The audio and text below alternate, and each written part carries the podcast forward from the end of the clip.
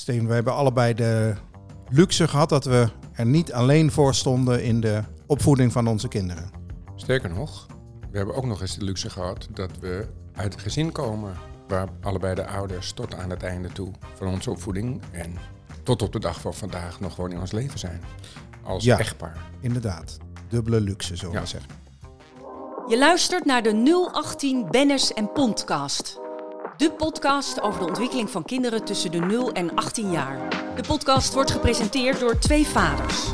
Steven Pont, ontwikkelingspsycholoog en systeemtherapeut, oprichter van het internetplatform 018. En voormalig journalist Martijn Bennis, tegenwoordig directeur van het ANP.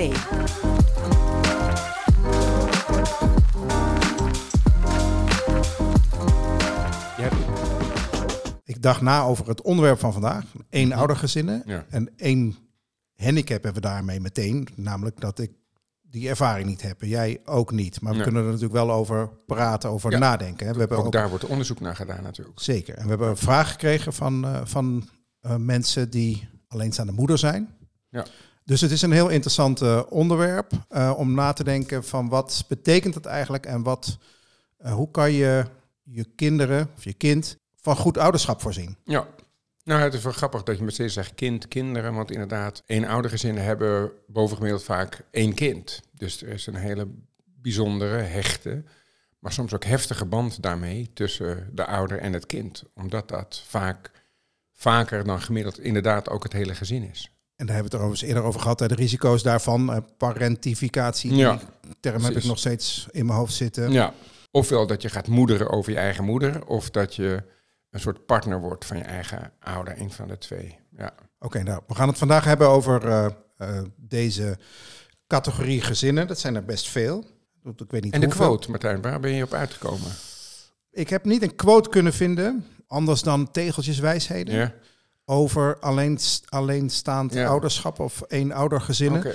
Wat zou Eh, dat zeggen? Kijk, wat ik aantrekkelijke quotes vind is dat er een, een beetje diepte in zit of in ieder geval een verhaal aan Ja. vasthangt. Hè? In plaats van eh, Ja. mijn moeder is mijn allesie of zo. Ja. Dan- wat, hebben we, nou- wat hebben we dan? Hè? Ja. Dus, eh, maar ik weet niet wat het zegt. Ik heb wel, ehm het is misschien, dat is geen quote, ik moet je dus eh, teleurstellen eh, voor de buitenstaanders, maar mijn eh, gevoel bij eenouders is in ieder geval heel groot respect voor het feit dat, dat ze dat doen. Eh, dat, nou, je kan het niet anders, je moet het doen, maar het, een hele zware opdracht, denk ik. En als je dat goed weet te doen, dan verdien je ontzettend veel respect. Dat ben ik helemaal met je eens. In oudergezinnen komen, neem ik aan, denk ik, vaak tot stand door iets wat niet de bedoeling was. Door Nou, een- steeds vaker kiezen mensen het ook voor. Dan kun je je afvragen, is dat een werkelijke keuze? Per jaar worden nu al 15.000 kinderen in, in een gezin geboren waar maar één ouder eh, aanwezig is. Dus het gaat best over grote aantallen. Waarvan een deel inderdaad door scheiding of overlijden van een van de ouders. Maar steeds meer ook kiezen moeders met name voor het alleenstaand ouderschap. Vaders kunnen daar natuurlijk iets moeilijker voor kiezen, Ja. lijkt me zo. Hè? Dus, eh, maar ehm, laten we even aannemen dat er bij eenoudergezinnen ehm vaak ook eh, iets misgaan is. Hè? Dus een scheiding wa- had je niet gepland meestal. Ja. En laat staan een overlijden. Dus Ja. Dat betekent dus meteen dat, je, dat de omstandigheid nog zwaarder wordt dan het feit dat je het alleen moet doen. Ja. Namelijk dat je ook nog iets hebt te, Ja. weg te werken, hè, te verwerken. Ja, en dat maakt ook het onderzoek naar de effecten van eenoudergezinnen lastiger. Omdat er altijd allerlei secundaire dingen spelen, als verdriet en, en, en rouw en pijn en al dat soort dingen, die eh, nog eens bovenop komen dat je het in je eentje moet doen en ook nog eens vaak eh, met jonge kinderen. Dus het is een veelheid aan factoren en het respect dat jij net uitsprak, dat komt daar natuurlijk vandaan. Van jeetje, wat moet je op veel borden schaken, terwijl er ook nog allerlei dingen eh, eh, in je leven spelen, die niet altijd zo opbeurend of opbouwend zijn. Als je alleenstaande ouder bent, die vraag hebben we ook gekregen. Hoe zorg je er dan voor dat je je kind, kinderen wellicht, maar hè, dus dat je je kind daar niet mee belast met, die, met, met de reden waarom, het, waarom je alleenstaande ouder Ja. bent? Ik denk niet dat dat kan. Dus je kunt kinderen daar niet. eh, het heeft effect. Dus dat, dat is zo helder als iets. Alleen de vraag is.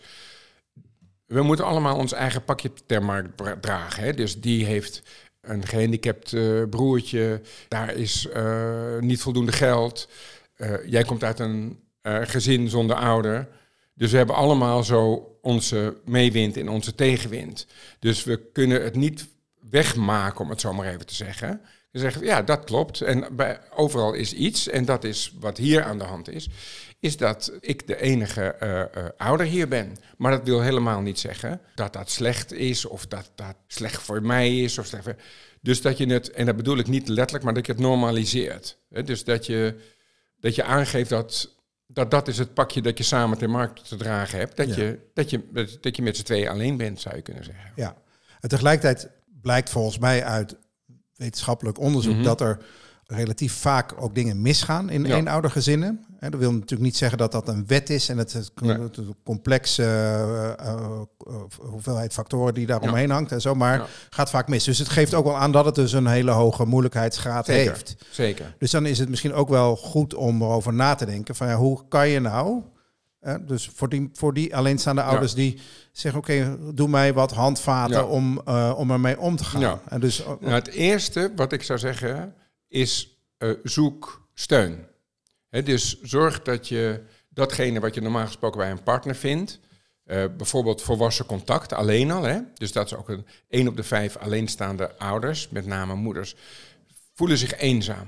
Voelen zich eenzaam omdat ze natuurlijk elke avond thuis zitten met, met hun kind of kinderen.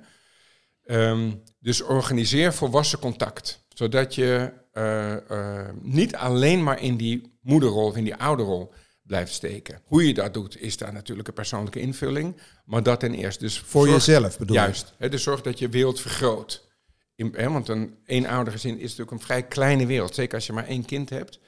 En er ligt er boven eentje te slapen. En jij bent dan alleen thuis. Hè, dus zorg ervoor dat dat, dat dat wat verbreedt. Je ziet het ook wel met eh, vakanties voor eenoudergezinnen en zo. Hè, dus dat die elkaar weten te vinden. Juist om ook die volwassen wereld gewoon voedend te blijven houden. Wat je normaal gesproken bij je partner een beetje vindt. Eh, of dat je erop uit kunt omdat je partner thuis is. Zorg voor jezelf. Ja. ja. Dat is één. Dus zorg dat je de volwassen wereld, dat je niet helemaal alleen maar die rol hebt. Ja. Maar dat je ruimer eh, je leven in kan vullen dan alleen maar in die rol. En dan kun je, omdat je daar vaak energie van krijgt, van, hè, van die ruimere wereld, kun je ook een wat stabielere vader of moeder zijn. Dat ten eerste. Of, hè, en dat tweede, waar ik het net over had, van eh, erken dat het een bijzondere situatie is, zonder dat meteen um, te problematiseren. En het Ja. derde is, wees je wel bewust van die gevaren. Dus bijvoorbeeld, als een van de ouders conflict heeft met een kind, kan de andere ouder een beetje mediëren. Hè? Dus die kunnen een beetje vrede stichten of iemand kan zich een beetje terugtrekken. En hier kan dat niet, want je bent de enige ouder. Dus ehm, wees je er ook bewust van dat het een hele zware taak is, zodat je ook maatregelen moet nemen om hem te verlichten. Bijvoorbeeld door ervoor te zorgen dat je ook als volwassene in andere omgevingen nog steeds eh, aan je trekken komt. Zou het ook een, een goed idee kunnen zijn om, stel voor dat je alleenstaande moeder bent, hè, dus om een, een vriend te vragen om iets meer Ja, de vaderrol, of Ja. hè, dus om, om ja dus de identificatiefiguur. Dat kan een voetbaltrainer zijn, dat kan een leerkracht zijn, dat kan een buurman zijn. Maar om eh, iets van die energie die met de weggevallen partner verloren is gegaan, om die op een andere manier in het leven van het eh, kind te brengen. Bijvoorbeeld een wat ruigere, hè, als, je, als je alleenstaande moeder bent, om, en dan moet je het hele palet moet je dan hebben. Terwijl als je denkt, ja, dat ben ik gewoon niet, om ervoor te zorgen dat, dat, je, dat, dat, dat je dat ook ergens anders vandaan haalt. Zonder goed dat het een jezelf. partnerkeuze wordt. Want dat Ja. gebeurt natuurlijk ook vaak, denk ik. Ja. Dat mensen misschien wat te snel op zoek gaan naar eh, een vervanger eh, in het gezin. Ja, nou, ik weet niet of dat snel gebeurt, maar dat, dat komt zeker voor. Ik ken een, eh, een, een moeder die, heb het misschien wel eens eerder over, met een negenjarige dochtertje op de bank zat om de volgende papa uit te zoeken. Terwijl dat moet primair een partner zijn. Nou ja, van de andere kant, door, eh, Primair, eh, hè? daarna moet het natuurlijk ook een vader zijn. Zeker, maar het kan niet zo zijn dat het is een... eh, ik heb heel veel ruzie met hem en daarom wil ik maar dat hij er is, want hij is zo leuk met mijn dochtertje. Want dan krijgt je dochter ook een heel raar idee over wat een relatie eigenlijk is.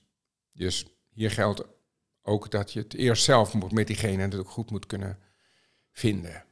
Maar het is een hele begrijpelijke reactie dat je, en dat bedoel ik met, met dat je die volwassen wereld in je leven moet houden. Nou, en die haal je natuurlijk onmiddellijk binnen zodra je weer een partner hebt. Dus een hele logische eh, beweging om, om daar naar op zoek te gaan. Hoewel sommige mensen, en hier komen we weer op dat verdriet en die rouw, ehm, eh, meteen ook helemaal klaar zijn met partners en uh, gewoon besluiten, aan mijn lijf geen polonaise meer, ik ga het gewoon met deze kinderen doen. Wat ook lastig is, het is bijvoorbeeld armoede, daar moeten we het ook nog over hebben. Dus de kinderen, alleenstaande ouders, hebben vijf keer zo'n grote kans op armoede, op, om in armoede opgroeien. Dus er zijn wat ingewikkeldheden waardoor het gewoon echt zwaarder is. Zowel financieel als emotioneel als sociaal, hè, waar we het allemaal over gehad hebben. Dus het is een bijzondere groep. En nou goed, als dat allemaal niet moeilijk was, dan, dan hadden we het ook niet over dat respect gehad, net helemaal aan het begin. Ja, maar dus het loopt vaker uit de rails. Dan is het toch het een en ander dus misgaan. Is dat, denk je, omdat het een eenoudergezin is, of door, het, door de omstandigheden die rondom dat eenoudergezin uh, zijn uh, ontstaan of de reden waarom het een eenoudergezin geworden is. Door, Is het omdat je maar één ouder hebt, een moeder of een vader? Of is het om die armoede uh, of de trauma? ja, het telt allemaal op. Dat is, dus er zit vaak dat verlies van een partner of van een relatie zit eronder. Dus er spelen gewoon heel veel krachten ehm, op dat gezin in. Ik moet er wel bij zeggen, uh, want ik ga nu even aan de andere kant hangen, dat de kwaliteit van de ouder-kindrelatie wint het altijd van het gezinstype. Begrijp je? Dus de, als de kwaliteit van, de, van, van met je ouder of ouders hoog is, uh, dat voorspelt beter later goed functioneren dan het gezinstype op zich. Bijvoorbeeld waarin de ouder-kindrelatie slecht is. Dus we moeten ons er niet op, uh, op blind staan. Er is nog iets anders wat ik belangrijk vind. En dat is dat er ook positieve effecten worden gevonden. Dus kinderen van die in een eenoudergezin opgroeien, zijn, uh, als de oude-kindrelatie verder goed is, dat is wel een voorwaarde, zijn sneller zelfstandig. Nou, dat is niet zo, vreemd. Ze nemen meer uh, verant verantwoordelijkheid. Hè, dus ze, ze, ja, ze groeien wat steviger op. en als dat binnen de grenzen blijft, kun je daar ook in je latere leven natuurlijk veel profijt van hebben. Dat, hey, en niet dat je het allemaal alleen hebt moeten doen, maar dat er veel dingen zijn die, nou, die je gewoon zelf ter hand hebt moeten nemen, is niet noodzakelijkerwijs slecht. En zeker niet als de band tussen moeder of vader en kind uh, goed is. Dat, dat blijft natuurlijk staan. Wat we ook wel zien is dat ze op latere leeftijd soms wat verkrachtiger zijn.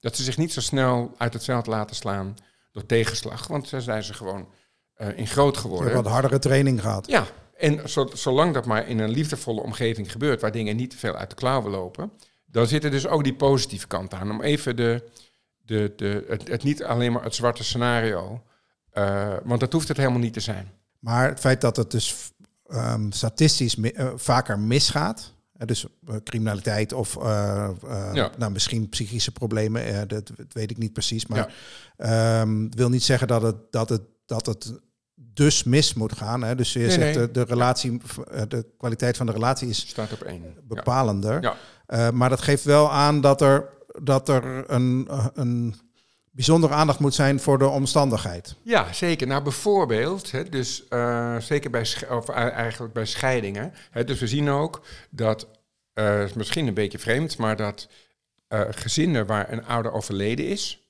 of waar, een waar er een scheiding is, dat bij gezinnen waar een ouder overleden is, dus dat wordt dan een eenoudergezin uiteraard, dat is diep verdriet, maar dat daar op den duur beter mee gaat, omdat dat is een eenmalige gebeurtenis. We delen die gebeurtenis met elkaar, we delen het verdriet met elkaar, dat verbindt heel erg. Dus het is echt, je raakt echt de bodem, en lang ook.